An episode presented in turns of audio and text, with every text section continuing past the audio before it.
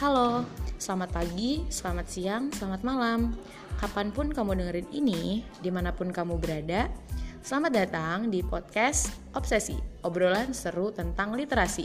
Nah, di episode kedua, kali ini kita bakal bahas tentang literasi. Sebelumnya, perkenalkan dulu, nama aku Shima Faradila Sulhin dari staf Kementerian Sosial dan Politik BEM KMIPA Unsut Kabinet Mercusuar.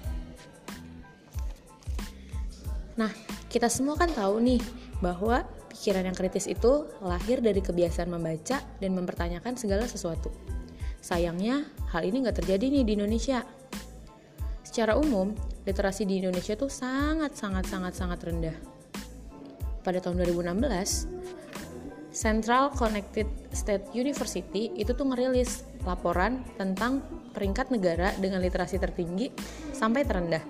Nah, dari 61 negara nih, kira-kira Indonesia masuk ke peringkat berapa? Indonesia masuk ke peringkat 60, cuma menang dari negara Botswana.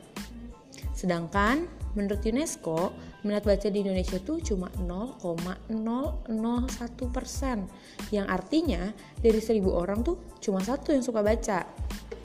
Nah, dari penjelasan tadi dan dari data-data yang udah ada, uh, kayaknya udah cukup deh ya memperjelas tentang literasi. Nah, hari ini di episode kedua, aku ditemenin sama teman-teman dari Sospol nih. Kira-kira mau kenalan sendiri atau dikenalin? Kenalin dong. Uh, kenal sendiri aja kali ya biar saya nggak capek nih ngomong dari tadi. Oke oke. Siapa dulu nih yang mau? Kayaknya menterinya dulu Oke, aja. di sini udah ada menteri dari Sospol BMKM IPA. Silakan perkenalkan diri. Halo semuanya, perkenalkan nama saya Andika Ramadan. Di sini saya sebagai perwakilan dari Kementerian Sosial Politik Menteri, guys. Kabinet Menteri, Mercusuar. menteri, menteri. Wah, biasa kalau menteri tuh nggak mau meninggi-ninggi. Anjay. Selanjutnya ada siapa nih yang fenomenal semipa? Kayaknya semua orang tahu deh anak ini. Ish, ish, ish. Kenalan silakan. Oh iya, kenalin nama aku Aben dari Kimia 19. Kalau mau mau ini mau kirim-kirim salam ataupun kirim-kirim paket, boleh kirim ke kosan aku ya, ada di Grendeng Utara. Terima nggak kasih. tuh kosannya? Kamu bisa ngesot nyampe ngesot asal kalau kosan kamu deket di Karangwangkal ataupun di Lampangan juga nggak apa-apa ya. Ya, dah. Oke, Abe. Selanjutnya ada siapa nih? Halo guys, nama aku Cindy Selionis. Aku dari Kementerian Staf dari Staf Kementerian Sosial Politik PMK MIPA, PMK MIPA Kabinet Mercusuar. Oke, kalian udah kenal ya pasti sama orang-orang ini yang hits-hits banget nih di MIPA. Oh, yes, yes, yes. Aku punya beberapa pertanyaan nih buat kalian. Yang pertama, aku mau nanya. Pandangan kalian nih tentang literasi itu gimana sih? Dari siapa dulu? Ayo yang mau jawab. Aben dulu deh kayaknya. Ya, kalau menurut menurut gue sih untuk literasi sendiri di Indonesia masih terbilang rendah. Walaupun udah udah banyak kemajuan seperti adanya e-book di sosial di e-book juga tuh masih terbilang masih rendah soalnya dari kita sendiri aja masih belum bisa baca. Terus juga banyaknya juga eh, banyak orang yang ngambil kesimpulan sendiri dari beberapa bi- dari beberapa berita gitu. Dari beberapa berita yang yang di mana kayak di Twitter sendiri deh di Twitter sendiri di masalah sosial media Twitter orang-orang banyak ngejudge sesuatu yang mereka belum baca sendiri. Kayak misalnya ada berita dari CNN misalnya ada berita dari CNN itu baru judul aja ya baru judul aja. Kita lihat tiba-tiba dalam beberapa hitungan detik aja di kolom komentar tuh udah banyak. Berarti kan mereka belum baca se- sepenuhnya apa yang ada itu. Jadi ini masih masih dibilang apa orang-orang Indonesia itu masih dibilang literasi masih kurang lah masih bisa masih ngejudge sesuatu yang mereka aja belum baca sepenuhnya itu apa gitu gitu ya. Iya kayak clickbait gitu. Orang tuh gampang gampang panas padahal belum baca semuanya kan. Nah, terus juga nah yang tadi kayak masalah ebook. Ebook itu udah udah dipermudah ya, masalah dipermudah. Kalau menurut gue juga sih untuk masalah ebook ya, kenapa orang tuh walaupun udah ada ebook merasa masih di- masih kurang gitu. Ya untuk beberapa orang ebook tuh dipermudahkan, tapi untuk kayak gue sendiri ebook tuh malah mempersulit gue untuk membaca. Apalagi gue suka ngoleksi buku kan, kayak contohnya gue gue suka ngoleksi buku Sherlock Holmes, Harry Potter, Sherlock ataupun Holmes ya kayak yang Indonesia Andre Hirata ataupun Te- Terelie gue gue masih suka untuk koleksi buku itu masih seneng banget ngeliat mereka ngeliat buku-buku gue tuh di rak buku bersih gitu ya. Bagi gue gitu ya. Tapi untuk ya itu tadi masalah ibu itu gue masih belum masih belum suka gitu.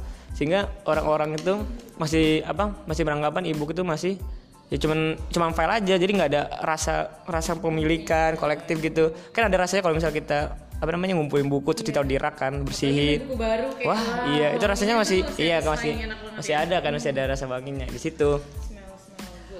Untuk beberapa orang sih ya untuk beberapa orang masih inilah masih masih bisa lah untuk itu tapi ya tadi tuh balikin diri ke masing-masing.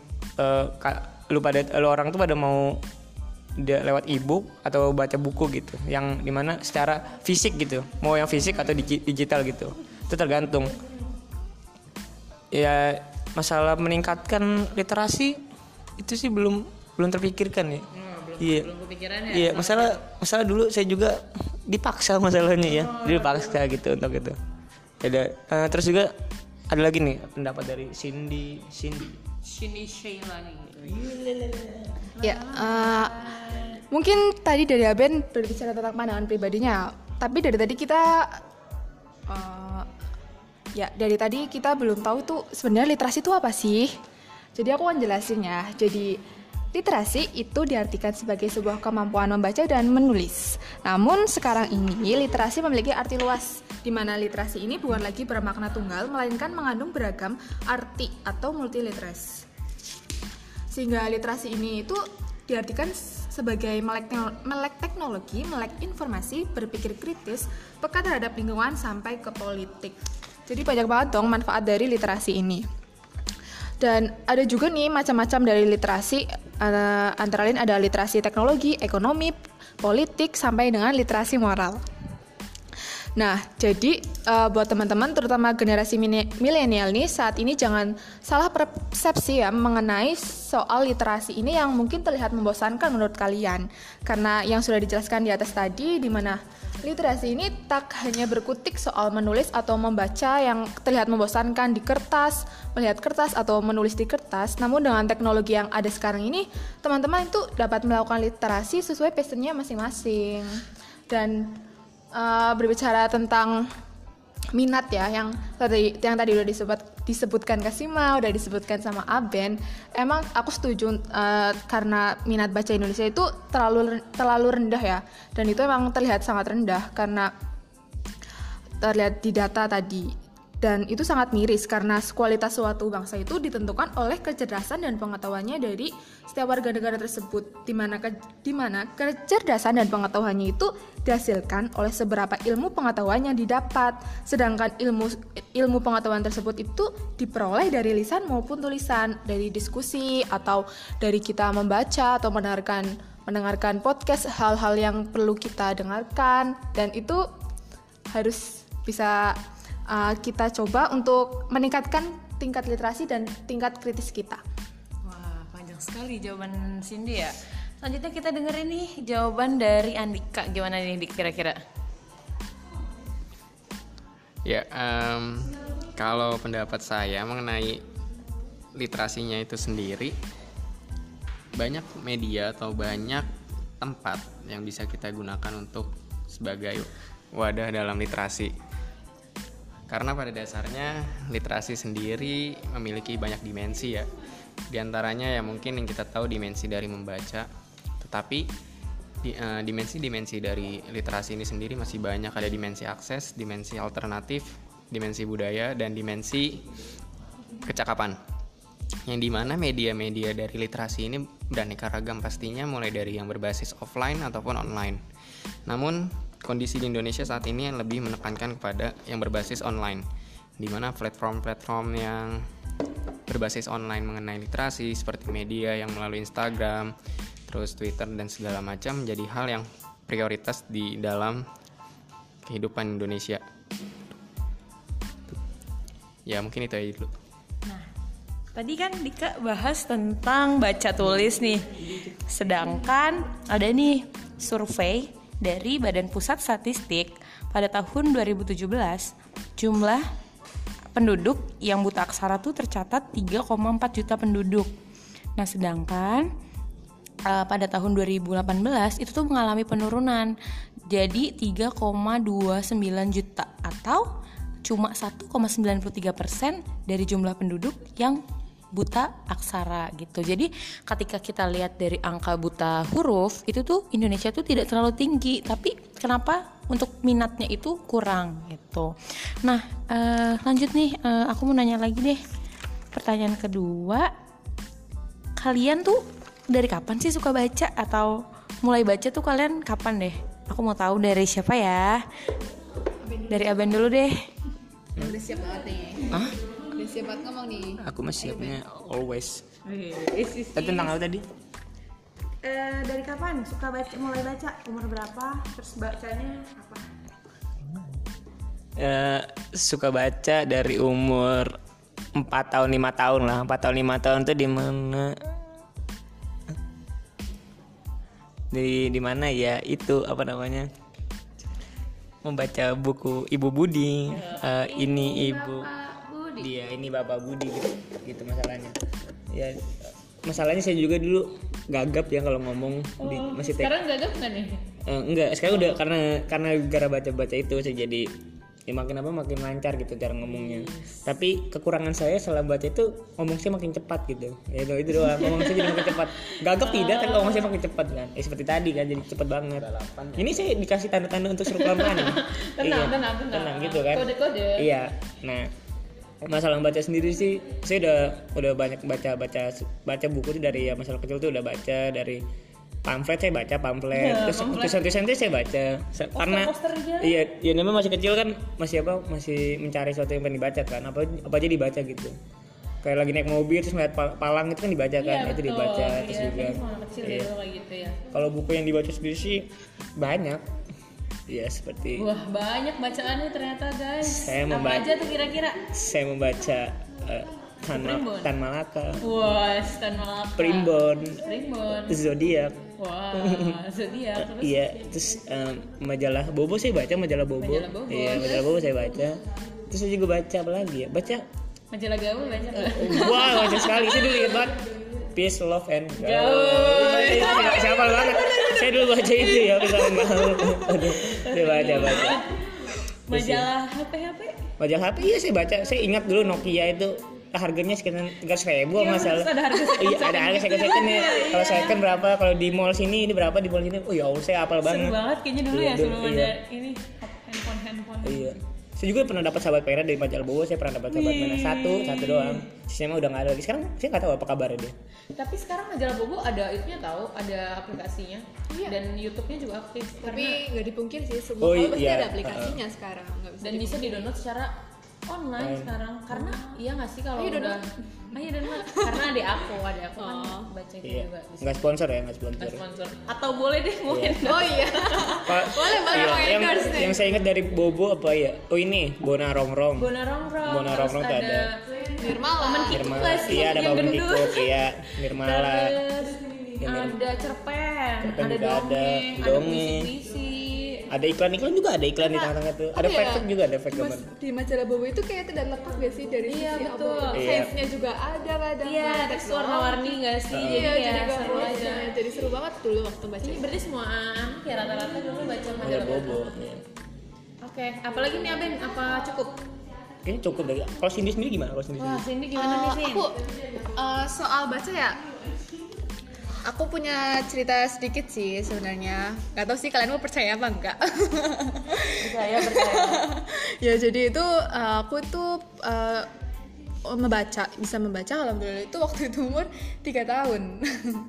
Dan kan kenapa? Karena waktu itu aku umur tiga tahun itu udah masuk TK satu tahun dia tuh dititipin dan dua tahunnya bukan dititipin di TK gitu enggak. Loh maksudnya eh, aku tuh eh, waktu satu tahun itu pakai baju bayi pas pakai kuliahan jadi itu seru gitu aku pakai baju bayi sendiri Aku juga Iya. dulu dititipin sama tukang cuci oh iya. Itu di laundry kan? Iya, ini laundry. Itu nggak di laundry. Ya, terus 4.000 per dua kilogram. tahunnya Apa 2000? Dulu. terus dua tahunnya aku TK jadi aku selama ini TK tiga tahun SD 6 tahun terus SMA ah aduh terus ini empat tahun ya Allah semoga tiga tahun lah selesai. Oh enggak ding ada yang nggak tahu. Terus ini bacanya gimana nih? oh iya baca. Ya uh, lanjut ya. Ya sama ya kayaknya alhamdulillah ya semua orang bisa baca bukan semua orang semua anak uh, baca bacalah bobo. Aku dulu juga suka banget baca bacalah bobo majalah bobo itu. Terus uh, paling suka aku waktu kecil emang suka baca-baca bobo sih terus baca buku-buku cerita-cerita gitu di perpustakaan TK ya Oh, cerita TK ada perpusnya ya? ya bukan rak bukan perpustakaan maaf maaf kayak rak eh, eh, rak pojok cerita cerita anak gitu gitu, terus cerita cerita hewan gitu kan biasanya ya. Si kancil si ini si itu. Ya gitu sih kalau dari aku. Next. Ini menterinya gimana nih Wah, kita yang kita Kalau tunggu-tunggu dari guys. menteri sendiri bagaimana? Wah, kayaknya bacaannya berat nih guys. Ya, kalau dari saya pribadi, kalau misalkan ditanya mulai baca kapan, saya lupa kapan bacanya karena ya SD nggak banyak yang dibaca sih buku-buku yang kayak tadi gitu. Paling ya majalah mungkin sama gitu, cuma yang nggak terlalu ngikutin banget. Pokoknya mulai baca tuh, mulai suka baca tuh SMP ke SMA dan paling sering sih baca di SMA. Kalau SMA tuh baca buku apa ya? Oh ya pertama kali buku aku baca tuh Laskar Pelangi Wah, Andrea. ya Andrea Hirata terus lanjut lagi di SMA tuh mengumpul bukunya Terelie kayak Oh, bacanya apa rindu? mm-mm, rindu hu- Pulang. pulang hujan matahari bintang bulan Angin. Ini ada bintang nah ya sini. Wah, kayak kayak gitu gitulah buku-buku seru sih cuma yang paling seru rindu sih menurutku Wah, rindu siapa tuh? ya, rindu dong rindu Rindu terus Oh, Makasih loh mas. ya pokoknya itu sih yang buku yang sering aku baca buat ya dari kecil sampai sekarang Udah, cukup cukup. Wah, kayaknya seru-seru banget ya masa kecilnya emang masa kecil sih suka baca nih. Terus pas udah gede gimana nih teman-teman? Kalian suka nggak sih ke perpustakaan? Suka nggak nih siapa dulu mau jawab Suka apa? Sini dulu deh. aku nih Iyalah sini dulu. Oh, aku ya perpustakaan. waktu SD nggak pernah ya ke perpustakaan. Terus waktu SMP, waktu itu aku, hmm, alhamdulillah sih. Waktu kelas 7 sih sebenarnya ram, eh, rame. Uh, sering ke perpustakaannya gara-gara uh, ada lah, nggak ada nggak. Enggak, gara-gara aku itu uh, termotivasi sama guru bahasa Indonesia sih karena dia itu juga lumayan care ke aku. Jadi dia suka mangkirnya di perpustakaan. Jadi sering ngobrol-ngobrol di perpustakaan sambil baca buku. Waktu pertama ke perpus kelas 7 itu baca bukunya itu Marput Merah Jambu no Radit Radit eh, ya karena waktu SMP kita itu kayak booming banget gak sih bukunya Iya, Radit Raditya Dika iya, tentang betul. itu. Jadi ngikutin Project itu. Salmon ya. iya gitu lucu-lucu banget gak sih? Kayak nggak terlalu nggak terlalu berat tapi lucu eh. Ya terus next ke SMA aku sering juga tapi waktu kelas 10 sih waktu kelas 11 12 jarang karena jauh jadi mager ke perpustakaannya ke karena kelas 10 itu deket sih kelasnya jadi lebih suka ke perpustakaan sih tapi juga gak sering-sering banget sih eh, jarang-jarang gitu kalau lagi gabut ya ke perpus gitu deh next Aben Ya. Ke perpustakaan ya. Yes I love I love library. I love Really, I love library. but I had my teacher in perpus ya. Pas Wah, kenapa tuh? saya benci di perpus karena dulu SD saya ke sana kan, saya SD ke sana, SMP ke sana, SMA SMA ke sana cuman saya jarang karena itu. Kenapa tuh? Saya sering ke perpustakaan, sering minjem buku, tapi saya nggak pernah balikin buku. Bukunya dia sampai sekarang masih ada nih. Makanya saya nggak pernah balikin perpustakaan. Soalnya kalau saya balikin perpustakaan pasti ditagih, mana bukunya, mana bukunya, mana bukunya. Saya nggak suka kan. Saya nggak suka. Tapi kamu pinjam. Saya pinjam. Pinjamnya doang ya. Pinjam terus nggak balik balikin. Sekarang saya tahu denda saya berapa. Berapa? Nggak tahu sih kemarin sih denda saya udah dua ratus ribu nggak salah. Di SMA dua ratus ribu. Kalau du- gurunya Abin denger podcast ini. Iya mungkin tolong lah, ya tolong lah diiklasin. Di SMP juga saya saya ngambil buku dua bu, saya ngambil buku dua, buku sekarang bukunya di mana Di kuliah. di bu di ini di rak, di rak mana di rak, iya di rak rumah. Bukunya apa dulu? Du- du- apa judulnya? Lupus. Lupusnya ada di lupus terus itu saya nggak balikin, maaf ya bu. Kenapa nggak- tuh? Hah? Karena Males? karena males karena saya nggak punya duit dan bahkan saya jadi maling saya ngambil ngambil ngambil saya bakal ngambil Aduh. kalau masalah perpustakaan sendiri sampai sekarang saya masih no no saya masih anti perpustakaan Kenapa tuh? trauma saya ditanyain terus 2000 2000 2000 tiap hari saya datang ke sana makanya saya nggak mau lagi ke sana Kalau di denda kalau di Unsur kalau minjem buku itu nanti ada itunya loh ada suratnya gitu kalau kamu mau lulus katanya sih gitu. Jadi Berarti ketika kamu negara. iya kamu belum beres perpustakaan belum bebas perpustakaan itu nggak bisa lulus harus bayar dulu. itu yang Iya. KPT ya Iya. eh, cukup PT saya bakar Astagfirullah. Oh, Berarti kalau besok sini? kebakaran ini Saya. pelakunya kalau eh, Dika sendiri gimana nih Oh iya, eh, kalau saya sering ke perpus pas SMA karena ya saya ikut eskul pers. oh jadi Ya jadi ya mau gak mau, ya? Wes. jadi mau gak mau sering. oh iya, mau nggak mau sering lah buat main ke perpus karena emang perpus juga enak sih buat tempat ngadem, buat tempat apa namanya eh, ngerjain tugas segala macam. Terus banyak buku yang bisa dipinjam, nggak hanya buku-buku eksak Iya eksak bacaan, buku-buku buka bacaan tuh banyak gitu. Jadi kayak oh ya udah kita bisa minjam segala macam. Ya kalau Aben sering ngambil buku, kalau eh, kalau saya ya minjem lah, bayar Ben lu kalau denda. Iya, Ya jadi kayak gitu sih. Ibu Marwati saya emang. wah ibu Marwati Kalau di kuliah pernah nggak pernah ke UPT Unsut ya ngapain di tuh itu ngerjain laporan, terus pernah minjem buku sekali. buku apa tuh Buku ini apa? kayak Buku biologi pokoknya dah. Buat tugas biologi Gian tuh. Koli. Yes. Gian Koli. Iya, pokoknya buku itulah. Em, menurut saya perpus ini mekanismenya yang masih ribet sih, belum berbasis digital. Jadi ya, jadi kayak ya itu mungkin yang menjadi hal yang males buat kita ke perpus. Kalau di perpus Fakultas MIPA pernah dua kali ngapain tuh ngerjain laporan. Eh, laporan mulu Laporan mulu kita kita laporan mulu, kita sibuk laporan guys. Oke, cukup dari saya. Wah, ini setiap orang beda-beda nih ke perpustakaannya. Ada Aben yang dikejar-kejar guru, ada Cindy yang disukain guru, ada Dika yang apa namanya tadi ketua eskul. Wah, keren-keren banget dah emang anak sospol ini. Terus nih, aku mau nanya lagi deh ke kalian. Menurut kalian perpustakaan yang sekarang tuh gimana sih masih relevan nggak gitu loh untuk dikunjungi dengan banyaknya eh, aplikasi-aplikasi yang dapat diakses dengan mudahnya untuk meminjam buku gitu. Siapa dulu nih? Andika dulu deh. Oh ya, em, buat perpustakaan-perpustakaan yang ada sekarang, menurut saya tentunya masih relevan lah karena perpustakaan isinya kan buku-buku fisik yang bisa kita bawa pulang, yang bisa kita baca ya. Jadinya ya mungkin masih rele- masih relevan, cuma mungkin beberapa faktor yang dari perpustakaan itu yang bisa di upgrade atau diperbaharui lagi dalam sistem peminjaman ataupun segala macam gitu kan. Jadinya nanti juga akan menarik minat baca.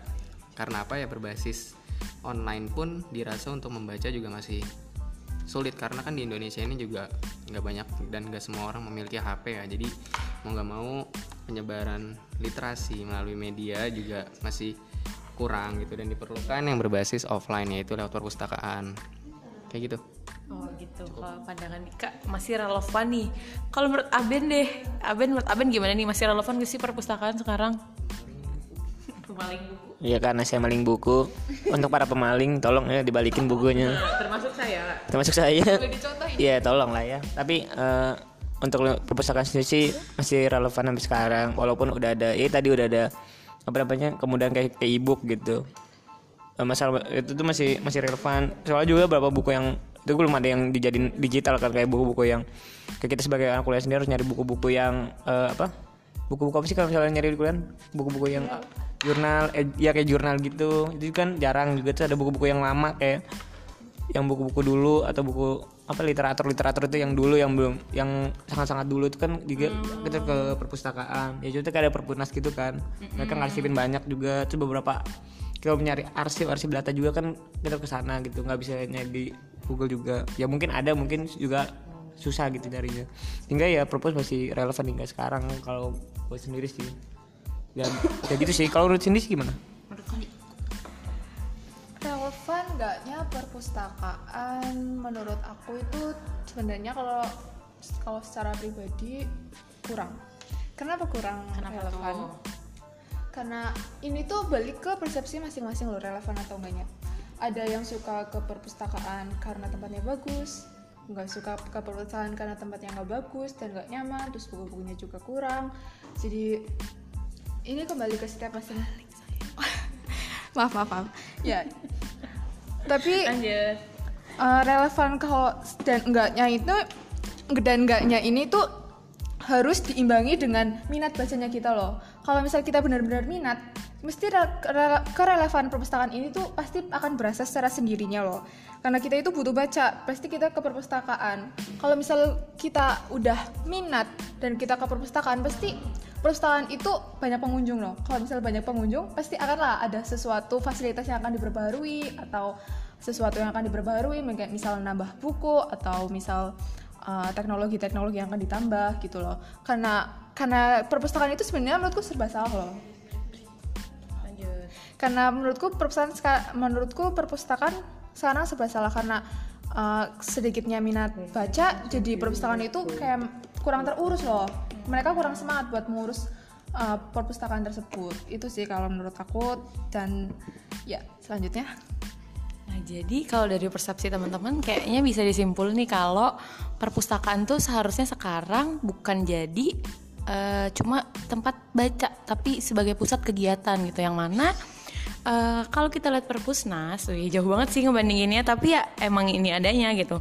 Ketika bandingin sama perpusnas itu tuh dengan eh, apa namanya fasilitas yang mewah, menurut aku mewah sih segitu banyak gitu loh space-space buat anak-anak muda kayak kita tuh ngadain suatu acara, terus ada pelatihan-pelatihan atau eh, jadi perpustakaan tuh dibikin kayak coworking gitu disam, disambi sama kegiatan-kegiatan lain karena kalau cuma ngandelin untuk ruang baca doang, belum lagi buku bacaannya tuh yang kolot-kolot gitu loh. Sedangkan ya mungkin masih masih banyak gitu loh orang yang nyari pustaka-pustaka untuk eh, referensi gitu ya. Tapi kan ah, ketika kita mau santai itu kan pasti membacanya santai-santai aja ya nggak berat-berat ya. Gitu. Dan aku pun punya pengalaman gitu loh di perpustakaan daerah eh, sini Purwokerto. Ketika ya karena aku bukan pribumi jadi itu nggak bisa minjam mungkin lebih ke eh, apa sih namanya prosedur prosedur eh, aksesnya eh, eh, itu eh, eh, lebih dipermudah gitu. Karena kadang bingung juga ya ketika kita mau datang udah udah suka nih sama satu buku tapi ternyata nggak bisa minjem. Itu kan kayak nanggung juga ya. Dan aku nggak setiap hari bisa nongkrong di perpustakaan gitu. Mungkin lebih eh, di dibenerin lagi sih kayak harusnya tuh relevannya seperti apa gitu kenyamanan juga nggak sih? Karena Iya. baca juga butuh kenyamanan kan? Wah kenyamanan. Ah, terus menurut kalian nih kira-kira faktor-faktor apa sih yang bikin perpustakaan tuh sepi? Atau sarana prasarana atau mungkin ya nggak ada nggak ada stand stand makanan atau apa deh. Siapa? Aben dulu deh kayaknya udah siap banget nih jawab kan saya takut corona. Ini ada nih 25 kasus. Lanjut. Ya, lanjut lanjut ya. Aben pakai masker guys.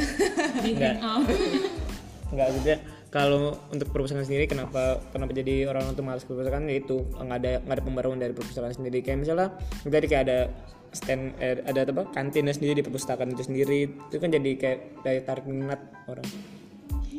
Daya tarik minat orang buat datang ke perpus gitu. Jadinya kan ya itu. Perpustakaan itu harusnya punya ide ya ide-ide yang baru gitu buat orang itu tertarik baca orang tertarik ke sana tuh itu bukan tertarik gara-gara makan aja ya nggak gitu juga. harus di upgrade iya ya lebih kayak ataupun ya misalnya ada stand apa kayak ada yang jual kopi di situ kayak ada iya ada yang jual kopi gitu kan bisa nambah kan sambil ngopi kan bisa. Gitu. chill chill. Alhamdulillah. Heeh. setidaknya ya bisa makan sama itu. chill. Ya tapi ter- tapi balik lagi sih itu tergantung para para yang ini yang bikin perpus ya gitu sih. Selanjutnya kata Cindy deh gimana? Eh, apa tadi? Eh, faktor-faktor ya? Ya kira-kira apa sih? Hmm, setuju sih aku sama Ben. Tapi ya emang karena yang aku dari tadi bilang ya kenyamanan terutama. Gimana sih perpustakaan itu bisa nyaman buat kita membaca? lagi-lagi nyaman ya Cindy. Iya, kayaknya suka karena- banget nih ngomong nyaman. Gimana ya kalau tanpa kalau membaca kalau membaca tanpa mood yang tepat terus tanpa kenyamanan yang tepat itu eh, nggak afdol gitu loh membacanya juga tidak sia-sia iya nggak PW gitu kalau aku sih kayak gitu sih tapi nggak tahu sih setiap orang kan beda-beda terus Wah, ada suara apa guys? Lanjut lanjut. Kalau menurut eh, Dika deh gimana Dik? Perpustakaan tuh apa sih faktor-faktor tuh yang kayaknya kenapa sih sepi gitu? Dari apanya sih yang salah atau apanya yang harus diperbarui? Ya, eh, kalau dari saya terkait perpustakaan kenapa sepi, pastinya karena ya minat baca orang untuk datang ke sana itu masih kurang. dan juga mungkin dari fasilitasnya perpustakaan itu sendiri yang dirasa masih kurang. Ya untuk selanjutnya mungkin harapannya pasti perpustakaan untuk mengupgrade dari apa namanya sistem-sistem peminjaman. Terus uh, membuat ya perpustakaan menjadi kayak coworking startup gitulah biar enak juga kan. Terus juga pastinya apa nih pastinya apa nih? Ya pastinya perpustakaan harus lebih bagus lah. Biar nyaman buat belajar. Semua orang berarti menjunjung kata nyaman berarti ya kembali lagi kita harus kalau kita jadi pustakawan nih maksudnya kalau kita itu harus upgrade upgrade gitu ya mungkin yang dibilang Andika tadi bisa apa apa namanya dijadiin kayak co-working space-nya startup. Atau kalau di Jakarta tuh ada Jakarta Creative Hub itu tuh uh, co-working gitu terus isinya tuh ya itu ada pelatihan-pelatihan terus ada kayak seminar terus ada kayak ngobrol-ngobrol santai maksudnya uh, disulapnya jadi co-working gitu karena ya ketika kita punya acara pun gitu gampang mau, mau mempublikasikannya. Itu sama-sama enak gak sih dua-duanya? Ketika kita punya acara uh, dia dia tempatnya laku. Tapi ketika tempat tempatnya laku kan mereka juga naik loh namanya. Gitu sih. Terus uh, menurut kalian nih pesan-pesan biar kita suka baca tuh gimana ya? Hmm, dari sini deh. Pesan? Iya pesan buat teman-teman nih biar suka baca yang pertama kita harus sadar diri dulu sih. Walaupun itu hal kayak yang mudah ya karena kayak yang tadi kita udah bahas karena kesadaran utama dari kita itu tentang literasi. Bagaimana itu literasi itu bermanfaat bagi diri sendiri maupun lingkungan sekitar loh. Kita bisa menambah kritis menambah peka terhadap lingkungan sekitar itu didapat dari membaca dan literasi. Kita uh, dapat melihat loh persepsi dari satu orang dari satu pandang ini dari satu pandang lain kita bisa dapat melihat itu. Itu sih kalau dari aku. Kalau dari Ben gimana Ben? Gimana nih pesan-pesan buat teman-teman biar suka baca? Pesan-pesannya sendiri sih ya hukum alam ya. Pesan sendiri sih buat teman-teman yang biar bisa baca ya cari minat, itu sendiri. Nggak perlu lah baca-baca yang berat ataupun apa gitu. Itu tergantung. Harusnya baca apa? Baca koran atau baca pun baca Quran itu, itu sangat sangat atau membaca oh, baca Quran wajib ya. Quran atau membaca Alkitab itu sangat sangat membantu. Baca kitab suci masing-masing. Iya ya baca kitab suci.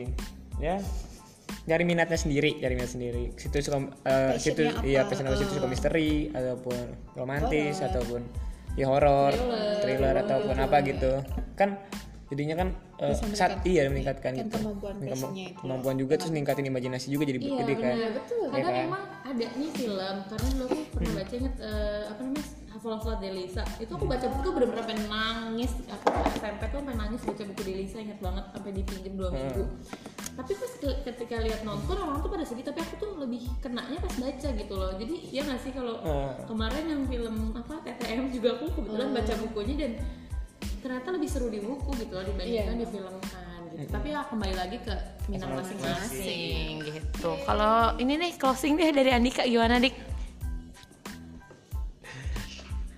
Ya, eh, kalau dari saya pesan buat teman-teman biar baca dan kita juga biar ningkatin baca.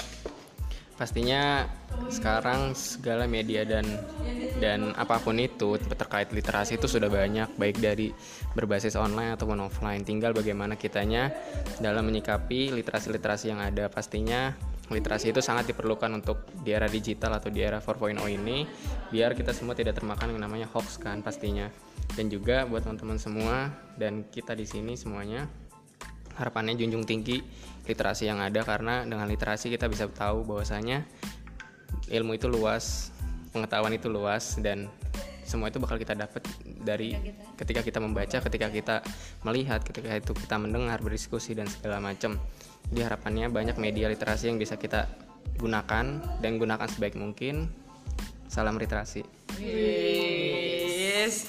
Oke, berarti eh, kata-kata uh, uh, buku itu jendela dunia masih relevan gitu ya, masih sangat-sangat sampai kapan pun menurut aku emang membaca itu jendela dunia gitu. Ketika kita baca ya kita bisa lihat semuanya kan. Ya, betul sekali. Oke, mungkin cukup sekian podcast dari kita. Yeay. Kurang lebihnya mohon maaf ya teman-teman kalau ada garing-garing uh, gitu ya maafin aja karena mesti nyoba lah kita juga di sini ya. Oke, dadah.